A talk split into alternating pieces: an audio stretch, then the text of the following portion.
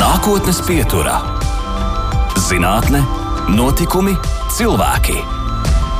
Raidījums īstenots ar Eiropas Reģionālās attīstības fonda atbalstu. Labdien, nākotnes pieturā studijā Baiva. Un skaidrojošajās vārnīcās varam izlasīt, ka vārds vietas nozīmē gudrs, pat pravietisks, tāds, kas spēj paredzēt, pareģot, un visbiežāk ar viedumu mēs asociējam kādu dzīves gudru sirmgāvi. Šodien gluži pretēji nākotnes pieturā viedumu pārstāvēs Latvijas jauno zinātnieku apvienības biedrs, elektronikas un datorzinātņu institūto vecākais pētnieks un zinātniskās padomas priekšsēdētājs, arī universitātes universitātē viespētnieks.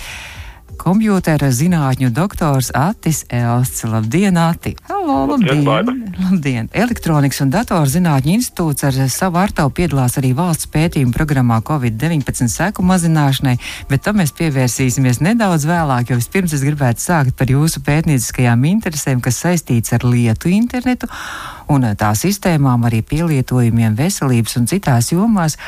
Un, Atija, jūs vispirms varētu izskaidrot, ko nozīmē lietu internets. Tātad uh, lietu internets ir uh, dažādas šīs te ierīces, tad, teiksim, tās viedās vai gudrās ierīces, kurām ir piemīt šī spēja pārraidīt datus uh, attālināt. Tātad viņas var saslēgt tīklā.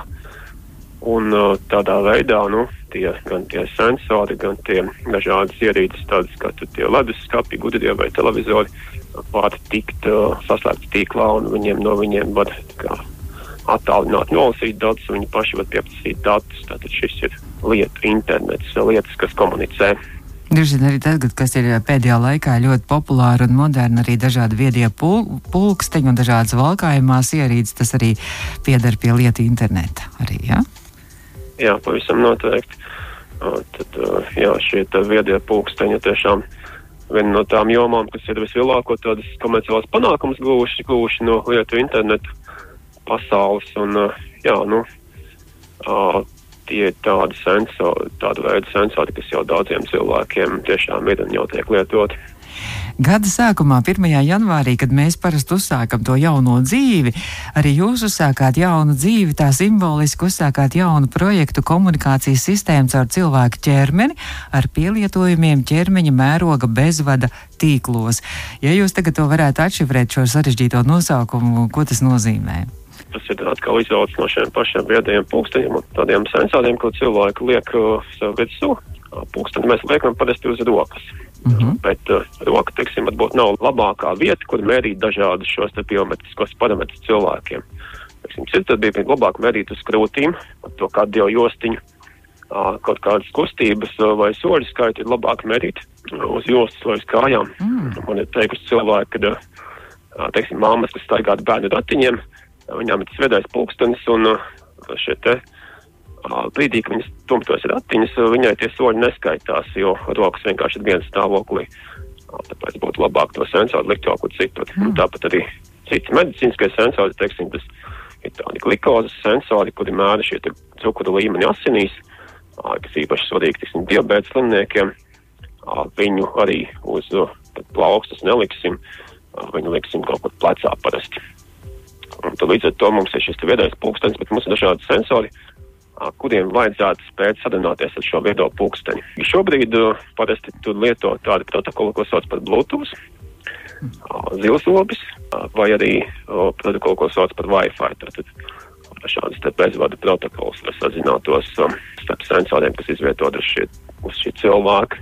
Bet tur piemīt tādi mīnusi, ka principā to datus, ko šādā veidā pārēd no šiem sensoriem, var noklausīties. Tad, vai hakeris vai kāds cits nevēlams cilvēks var vienkārši ņemt un dzirdēt to, tātad, ko tie sensori saka. Nu. Tātad tas nav droši īsti. Ja? Tad, tad tas nav droši, pat ja šie dati tiek šifrēti, kāds parasti notiek. Tad tik un tā šifrēšanu var uzlauzt, vai arī tur var tīri citos veidos kaut kā dabūt informāciju. O, tā tad tas, ko mūsu projekts mēģinās darīt, ir mēģinās o, datus padarīt pa pašu cilvēku ķermeni tā, lai tie dati netiek nemaz laisti gaisā, tā teikt. Un šim nolūkam mēs izmantosim jaunu veidu komunikācijas tehnoloģiju, ko sauc par komunikāciju caur, ķermeni, kas izmanto arktisko lauku, var parādīt informāciju. Angliski BCC, ja?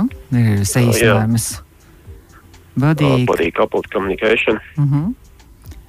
Bet tas ir droši caur cilvēku ķermeni no tāda viedokļa, vai tas cilvēkam nav kaitīgi pārraidīt šādu signālu caur ķermeni? Uh, jā, nu tad arī ir statistiski standarti, kas, teiksim, definē to maksimālo signālu līmeni un maksimālo strāvas līmeni, ko uh, var droši laist cauri ķermenim. Un, nu, tas, tā mūsu prototypa sistēma, teiksim, ir arī šajos standartos iekļaujās, viņa pat tos pārsniedz tādā veidā, ka mums ir aptuveni desmit reizes mazāk šī radīšanas jauda nekā maksimāli atļautā. Bet, protams, ka jautājums ir tāds neviennozīmīgs, un mēs arī šeit teikt, tā pētīsim būtībā, kāda ir cilvēku attieksme pret šādu tehnoloģiju. Tad tehnoloģija vēl šobrīd nav komerciāli pieejama. Lai viņa kļūtu komerciāli pieejama, viņa ir labāk jāizpēta. Oh, tā skaitā mums ir arī jāsaprot, vai cilvēki būtu gatavi kaut ko šādu lietot un likt sev virsū. Droši vien, ka tas eh, arī prasa mazāku raidīšanas jaudu, arī var ietaupīt uz baterijām, jo zinām, ka visas šīs tehnoloģijas eh, ļoti bieži jāuzlādē un baterija ļoti ātri nosēžās. Nu jā, tieši tā. Tad, cilvēku ķermeni tiešām uh, izrādās, ka diezgan labi var to, to labu pārraidīt. Uh, līdz ar to radīšanas jauda ir vajadzīga mazāka. Uh, tas nozīmē, ka mums nu, ka šis ierīces bieži vien terē lielāko daļu no savas baterijas jaudas tieši priekš komunikācijas. Tad, ja mums ir labāka šī komunikācijas metode, tad mēs varam ietaupīt diezgan daudz enerģijas un varbūt pār, palielināt šo te baterijas dzīves ilgumu vairākas reizes. Tātad šis ir otrs iegūms vēl bez tā papildus pēc drošības mm -hmm. pieauguma. Energoefektivitāte. Vai tas arī kaut kādā veidā tiks tālāk arī izmēģināts? Droši vien, ka kaut kāda brīvprātīga jums būs vajadzīga. Tad, nu jā, mums ir arī plāns teiksim, savākt uh, datu kopu par to, kā uz uh, reāliem cilvēkiem izplatās šis signāls. Tad būs visi brīvprātīgi, nekas nebūs spiests, uh, cilvēki tiks iepazīstināti ar šo pētījumu, un, viņi varēs kurā brīdī pārtraukt dalību, ja negribēs. Tad, tad arī ar ētikas komisiju tas viss tiks saskaņots. Bet būtība ir tāda, ka mēs gribēsim pateikt, teiksim, kā cilvēku ķermenis, kā cilvēku vecums vai dzimums ietekmē šo signālu izplatību.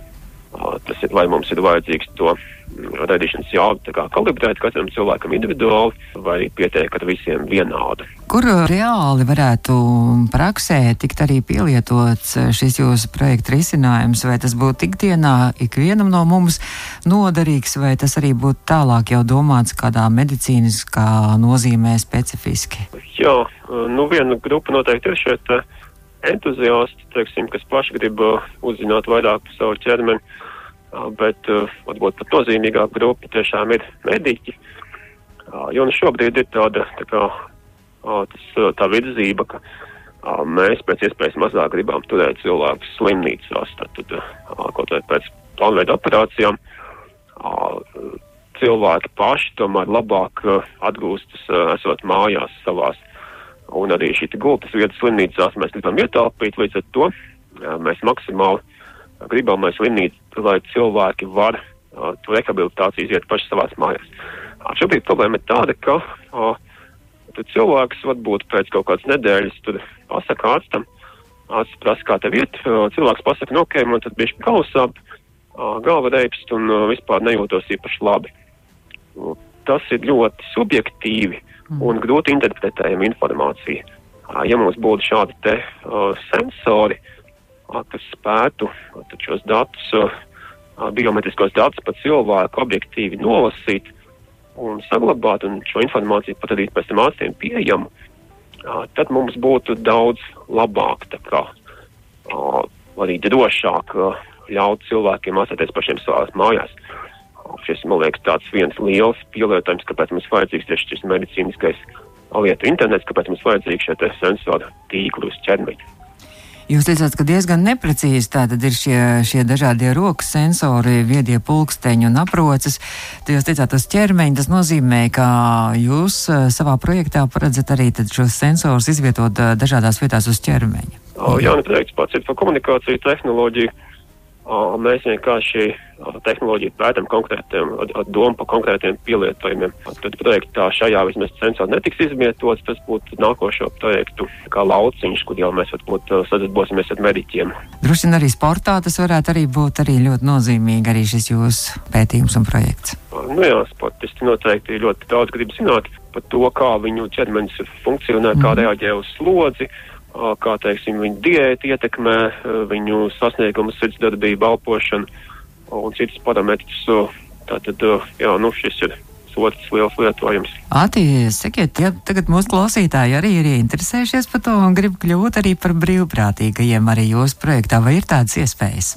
Jā, mēs noteikti meklējam brīvprātīgo. Šobrīd vēl nav pētījums uz cilvēkiem sākts, bet, uh, ja jūs gribat pieteikties, tad uh, rakstiet e-pastu vislabāk uz uh, info at edi.lv.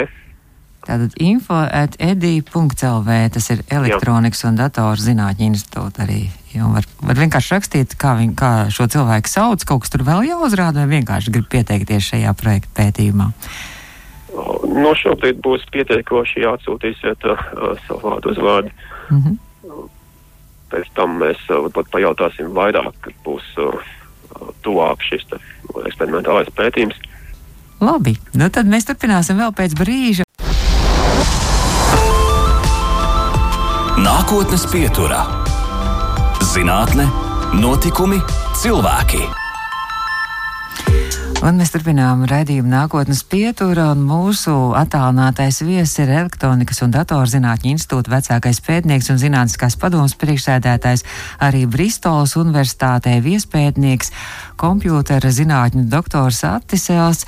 Atī gan Bristols universitāte, gan arī Upsals universitāte Zviedrijā. Tās arī ir jūs tā zināmā mērā darba vietas un mājvietas. Jā, nu, sākumā es biju tad Zviedrijā, tātad Upsalā kas notika tā, ka es vienkārši iegūstu šeit uh, Latvijā to doktora grādu, un tad uh, vēl pirms uh, tā grāda iegūšanas es sāku skatīties, vai ir kaut kāda uh, vieta ārzemēs, kas mani ņemtu pretī. Uh, tad interesēja tomēr arī paskatīties uh, uh, tādā globālākā perspektīvā, un tad izrādījās, ka, nu, Opsalā bija projekts, kur mm, tas tā labi ieterējos. Uh, Tas projekts gan nebija saistīts tieši ar šiem ķermeņa tīkliem, bet tas bija saistīts ar sensoru tīkliem vispār. Tad izstrādājām tādu mm, programmēšanas vidi, kas ļautu a, programmēt sensoru tīklus bez šī koda rakstīšanas vienkārši ar peli, a, saklepšķinot un, un savalkot dažādus elementus tādā grafiskā veidā. Un tad jūs nonācāt arī Bristolas universitātē, un es saprotu, ka šī komunikācija caur cilvēku ķermeni zināmā mērā jau ir turpinājums, kas izaudzis no, no šī sadarbības projekta, ko jūs veicāt sadarbībā arī ar, ar Bristolas universitāti. Vai tā ir taisnība? Jā, Bristolē man tieši tas projekts piesaistīja. Teiksim, ja Zviedrijā man tā pati valsts patika un dzīve patika, tad uz Anglijas devos tieši šī projekta dēļ. Uh, projekts bija par mm, šo te lietu interneta uzlikšanu cilvēku mājās. Tur mērķis bija sasniegt, tad uzstādīt tādu, izveidot platformu, kas spētu analizēt cilvēka veselības stāvokli un uzvedību. Un mērķis bija eksperimentāli izmēģināt simts mājās. Tobrīd, kad es, es pametu Bristolu, tobrīd uh, bija sasniegts 50 cilvēku mājas. Mēs skatījāmies tieši uz ne, ne medicīniskajiem sensoriem. Tas ir nevis tādiem medicīnā, ko izmanto, mm -hmm. bet, bet tieši parastajiem, teiksim, to viedo pulksteni priekšā cilvēku aktivitātes noteikšanas, cilvēks, cik cilvēks vispār ir aktīvs, ko viņš dara savā mājā. Kā arī tādi vides sensori, kas mērī temperatūru istabā un mitruma līmeni, kā arī vēl elektroierīču sensori, kas mērī, uh, teiksim, cik bieži un kad tiek lietotas ierīces tādas kā mikrāviņu krāsnes vai ūdens teikāni vai televizors. Nu, lūk. Un šis te projekts bija, tad mērķis bija faktiski izveidot šo platformu, šādus sensorus datus ievākt un integrēt tos, o, saglabāt un sūtīt uz universitātes o, o, serveri. Un, protams, mēs izmēģinājām sākumā tīri tādi veseliem cilvēkiem, bez veselības problēmām, lai to visu notestētu. Un pēc tam jau bija šie pielietojumi arī dažādiem hronisko slimību slimniekiem. Teiksim, tad bija mm, pielietojums ar Parkinsona slimniekiem, kā arī slimniekiem, kas atgūstas pēc operācijām. Tātad viņi pēc gūžas vai ceļa kaula operācijas tiek sūtīti uz mājām. Mm. Mājās ir šī sistēma, kas pasaka, cik labi cilvēks rehabilitējās, tad cik viņš vispār ir aktīvs, cik ilgi viņš guļ un, un aptuveni pasaka, ko viņš dara. Tādā veidā novērtējot to, vai viņam tad būtu jādodas atpakaļ uz slimnīcu, vai viņam tāpat ir labi. Katrā ziņā izklausās ļoti perspektīva uz nākotni vērsti. Tagad jūs stāstījāt un es tā iedomājos, ka, man liekas, tikko kā sākās arī Covid, šie visi pētījumi bija arī tāds viens virziens, ka varētu pētīt arī šo vīrusu daļiņu daudzumu arī gaisā, un arī tad noteikti uz dažādiem sensoriem balstīts arī, ka cik telpā ir droši un cik tur svaigs gaiss ir. Vai tas kaut kas līdzīgs varētu arī būt? Jā, mums gan nebija tādi šie te, teiksim, loģiskābās gāzes sensori, ar kuru palīdzību var pateikt to, cik, cik tas gaiss ir nesvaigs, bet tādi sensori, teiksim, nebūtu problēma pievienot šādai sistēmai, ja reiz pat tā sistēma jau eksistē. Sistēma noteikti kā tāda, manuprāt, ir perspektīva. Arī tāpēc, ka, teiksim, man ir vecāki, kas paši dzīvo, vien paši dzīvo lauka mājā, un es uh, nezinu, kā viņiem ir tāda veselība, un to nav iespējams tā, tā nekādi. Telefons sarunā noskaidrot. Nu, to ir grūti tā noskaidrot, un arī ne jau tik bieži tā telefons saruna notiek ne jau katru dienu. Tā tad uh, šāda te uh, sistēma, kas spēra cilvēku to veselību novērot sevišķi tad, ja viņš ir ar kroniskām slimībām, tad atgūts pēc traumām, man liekas, ļoti perspektīvi. Noteikti tas sensors var pielikt klāt bez īpašām problēmām, ja vien pati sistēma ir jau eksistējoša. Vai šis projekts turpinās sadarbībā ar Bristolas universitāti, vai tagad jau jūs esat ar abām kājām Latvijā? Tagad es esmu vairāk vai mazāk Latvijā. Turpinās tādā veidā, kā es savā tajā pēcdoktorantūras pētījuma projektā, kurš jau tiek finansēts Latvijā no Eiropas fondiem, uh, paņēma mazu daļiņu no šīs Bristolas sistēmas un to turpina uzlabot. Tad viena no šīs Bristolas sistēmas komponentēm ir tā valkājumā ierīce, mm -hmm. ko mhm. cilvēks valkā uz rokas. Svarīgi ir pēc iespējas padarīt to energoefektīvu, lai nevajadzētu viņu tad kādu dienu vai kādu nedēļu lādēt. Tātad es savā pētījumā strādāju pie šīs te energoefektivitātes uzlabošanas tieši valkājumā ierīcē. Vai jums pašam ir arī kāda valkājumā ierīce? ar senzoriem? Uh, nu, tik sakot, man tā ikdienā netiek lietots. Uh, man ir daudz visādas darbā, bet nu, tas ir vairāk tīri pētniecībai. Patiesībā sakot, nē, jo nu, man veselības problēmas nav, un es arī negribu, lai tā ierīce man tā kā sāktu kontrolēt, tad teikt, mm -hmm. ka es neesmu tos desmit tūkstoši nostājājis dienā. uh, bet, nu, jā, tas, tas nenozīmē, ka principā tā tehnoloģija būtu slikta. Vienkārši, ka šobrīd man tas nav īsti vajadzīgs, manuprāt. Nākotnes pieturā. Un mēs turpinām nākotnes pieturu. Šodien mūsu studijas viesis ir elektronikas un datoru zinātņu institūta vecākais pētnieks un zinātniskās padomas priekšsēdētājs, arī kompjūtera zinātņu doktors Artisels. Āti, mēs jau runājām, ka mm, jūs arī esat piedalījies šajos Covid pētījumu arī programmā un arī eh, jūsu datoru zinātņu institūts arī izstrādājis arī vairākus projektus un sadarbības projekti ir bijuši, kas, man liekas, ir bijuši tādi ļoti interesanti perspektīvi un arī ļoti vajadzīgi. Vai jūs par tiem varētu arī pastāstīt? Nu jā, tā tad šī pagājušā gada faktiski martā, kad sākās tā pandēmija Latvijā, mēs arī, nu, spriedām, ka vajadzētu kaut ko mēģināt darīt, kaut kā palīdzēt. Un tāpat tā ideja par to, ka nu, varbūt labāk, palīdzēt labāk nomazgāt rokas cilvēkiem, ir tas viens virziens, kur mēs varētu kaut ko izdarīt. Uh, mēs izveidojam kontaktus ar Rīgas Stradiņu universitāti, ārstiem, teiksim, Rāju Vildi, kas laikam ir bijusi red, redījumā Jā. šajā jau, un uh, nonācām pie tā projekta idejas, uh, ka mēs uh, skatīsimies, cik labi tieši ārsti mazgā rokas, jo izrādās, ka pat pat profesionāli mediķi nevienmēr nomazgā rokas tieši pareizi. Pareizi nozīmē, ka viņi tad, tad mazgā pirmkārt pietiekoši ilgu laiku, un otrkārt pareizi nozīmē, ka viņi izpilda visas uh, nepieciešamās kustības. Tad Pasaules veselības organizācija ir definējusi veselas sešas kustības, kuras tad noteikti ir jāizpilda katrā mazgāšanas reizē, lai tiktu pilnībā nomazgāts toks.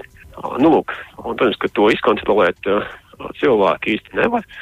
Uh, tad mēs uh, izdomājam, ka vajadzētu ņemt palīgā šo mākslīgo intelektu un apmācīt datoru, atpazīt šīs roku mazgāšanas kustības, tā lai mēs varam beigās uztaisīt tādu programmiņu, kas noskatās mazgāšanas epizodi un pasaka, cik pareizi, cik labi rokas ir nomazgātas. Un tad es saprotu, ka šī, šī programma, nu, tas ir aplikācijas veidā. To var ielādēt savā mobilajā telefonā. Vismaz man tā stāstīja. Telefonā un tad nolikt telefonu blakus. Tad, kad mazgā rokas izlietnē, tad tur parādās ar krāsām dažādām. Kā, vai ir pareizi nomazgāts, jā, vai taisnība tā ir, kā tas vizuāli parādās? Tas tiešām ir telefona lietojuma programma. Pamatā šobrīd tā programma ir mērķēta uz profesionāļiem, kā es teicu, uz mediķiem. Mums šobrīd vismaz nav fokusa vēl uz to parasto cilvēku, lai viņš varētu pats tādu programmu downloadot. Tātad ideja drīzāk uzstādīt telefonu slimnīcās, kur tā programma jau būs sainstalēta. Un tad uh, mediķi slimnīcās varēs uh, kontrolēt, uh, cik labi viņi mazgā šo te, šīs te rokas. Un, protams, tālāk attīstība šim projektam varētu būt arī tāda, ka mēs piedāvājam tad plašākai publikai šādu uh, programmiņu. Uh, nu jā, šobrīd tiešām izmantot telefoni, un nākotnē varbūt, uh, ja projekts turpināsies nākošais gadu, tad mēs varētu arī strādāt jau pie pašas savas aparatūras izveidas, kas ļautu ietaupīt līdzekļus, salīdzinot ar to telefonu pirkšanu. Mm -hmm. Bet es klausoties šo jūsu stāstu, man liekas, ka varētu būt vispār ļoti interesanti, piemēram, arī bērniem mācīt pareizi rokas mazgāt, un bērniem tas varētu būt ļoti interesanti, ka, ka kāds, ka, ka aplikācija palīdz pareizi nomazgāt rokas. Jā, es esmu arī tiešām dzirdējis pieprasījumu. Es vienkārši domāju, ka mēs tad izlaidīsim vairāk vai mazāk publiski vismaz daļu no mūsu rezultātiem, un tad jau paskatoties uz šiem rezultātiem, kas faktiski būs šis apmācīts mākslīgais intelekts, jau cilvēki un entuziasti paši varēs veidot šīs te programmiņas bērniem vai kaut kādas interesantākas spēlītas vai mm. kaut ko tādu, kas vienkārši šobrīd nav īsti mūsu fokus, bet uh, ko noteikti varētu darīt. Vienkārši mums tam nepietiek resursi. Nu, skaidrs, jo daudz aktuālākas lietas ir vēl šajā Covid arī aizsardzības arī programmā dažādās augsta riska zonās. Vai tas bija arī jūsu projekts par to platformu telpu dezinfekcijai un dažādu virsmu dezinfekcijai? Jā, un tas bija mūsu kolēģis projekts no EDI. Tas arī bija sadarbībā ar daudzām citām institūcijām Latvijā. Tā paša Rīgas Tehniskā universitāte un Reizeknas tehnoloģija akadēmija kuru elektronikas un institū, institūts tieši veidoja šo te mākslīgā intelekta daļu, tad sistēmu, kas spēja atpazīt dodu rokturus un uh, vadīt šādu te robotu, ko uh, mūsu partneri piedāvāja, uh, lai tas robots uh, iet un dezinficē tieši šīs vietas. Tā kā darba jums bija pilnas rokas arī šajā Covid laikā. Uh, jā, noteikti. Es gribu teikt, ka es uh, tur piedalījos kā brīvprātīgais, es nesaņemot algu. Uh, tātad faktiski pa vidu saviem citiem projektiem. Bet, nu, tur tāds pluss, šajā gadījumā tiešām var redzēt savu darbu, tādas tā kā sekas diezgan jau īsā termiņā. Varbūt tam manam komunikācijas sistēmas projektam kaut kādi rezultāti būs pēc gadiem desmit. Mm -hmm. Pēc šiem te Covid projektiem jau ir redzami ieguvumi jau, šā, jau šobrīd. Droši vien tas ir tas zinātniskajā darbā, droši vien ir tas it kā varbūt skaistais, bet arī tas trūkums, ka, ka jūs daudz ko darat ilgtermiņā un tās, tās savus rezultātus un darba augļus ir ļoti ilgi jāgaida, kamēr tie ir baudām.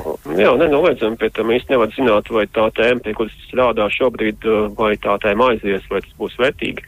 Tad vienmēr ir liels risks, bet, nu, varbūt arī tāpēc tas ir interesanti, ka tieši tā, ka tas ir neparedzams arī īstenībā, vai ne, zināmā mērā laimes spēle. -hmm, tieši tā.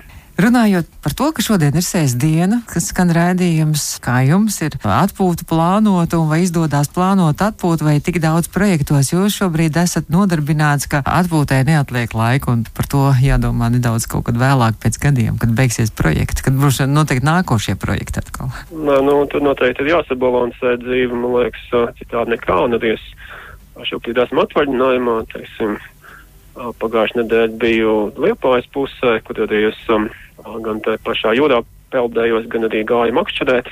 Teiksim, tad, tad ne tikai pie projektiem strādāju. Jums labā laikā izdevies atvaļinājums tādā karstā laikā, vai ne? Nu, laikam gan kaut kā šobrīd, šogad paveicās. Tad, ko jūs klausītājiem varētu novēlēt un ieteikt, kā viņiem brīvdienās pavadīt brīvdienas? Varu ieteikt tāpat apceļot Latviju, tā kā mēs arī esam pēdējā gada laikā, kad bija šis Covid uh, pasākuši uz vairāk nekā agrāk. Tiešām tās brīvdienās kaut kur aizbraukt, tāpat uh, viens dienas braucienu ārpus Rīgas. Tas tiešām palīdz atslogoties un, uh, un arī, tā kā man ir mazs bērns, tad uh, palīdz nedomāt, kā šo bērnu nodarbināt. Uh, vienkārši ir, ja tu aizbrauc tajā pastaigā uz kādu interesantu vietu, lai tad ir kaut kāds uh, mērķis arī tam bērnam un tev pašam, kur kurš padara to dzīvi uz to brīdi tādu vienkāršāku un skaidrāku. Arī pēc tam tāds daudz atpakaļ brauksējies. Tā jā, noteikti to ieteikt, tomēr pie dabas kaut kur aizbraukt. Es saku lielu paldies, un paldies, ka jūs atradāt laiku savu atvaļinājumu laikā arī ziedot laiku mūsu Latvijas Rādio 2 redzījumam nākotnes pieturu, un tad skaistu vēl atlikušo vasaru, un saku paldies, un lai tad izdodās un veicās arī jaunajos projektos. Paldies! Paldies, paldies, Bārda, paldies par uzaicināšanas raidījumu. Un mūsu nākotnes pieturs viesis elektronikas un datorzinātņu institūta vecākais pētnieks un zinātniskās padomas priekšsēdētājs Attis Elsts. Izskan nākotnes pieturā.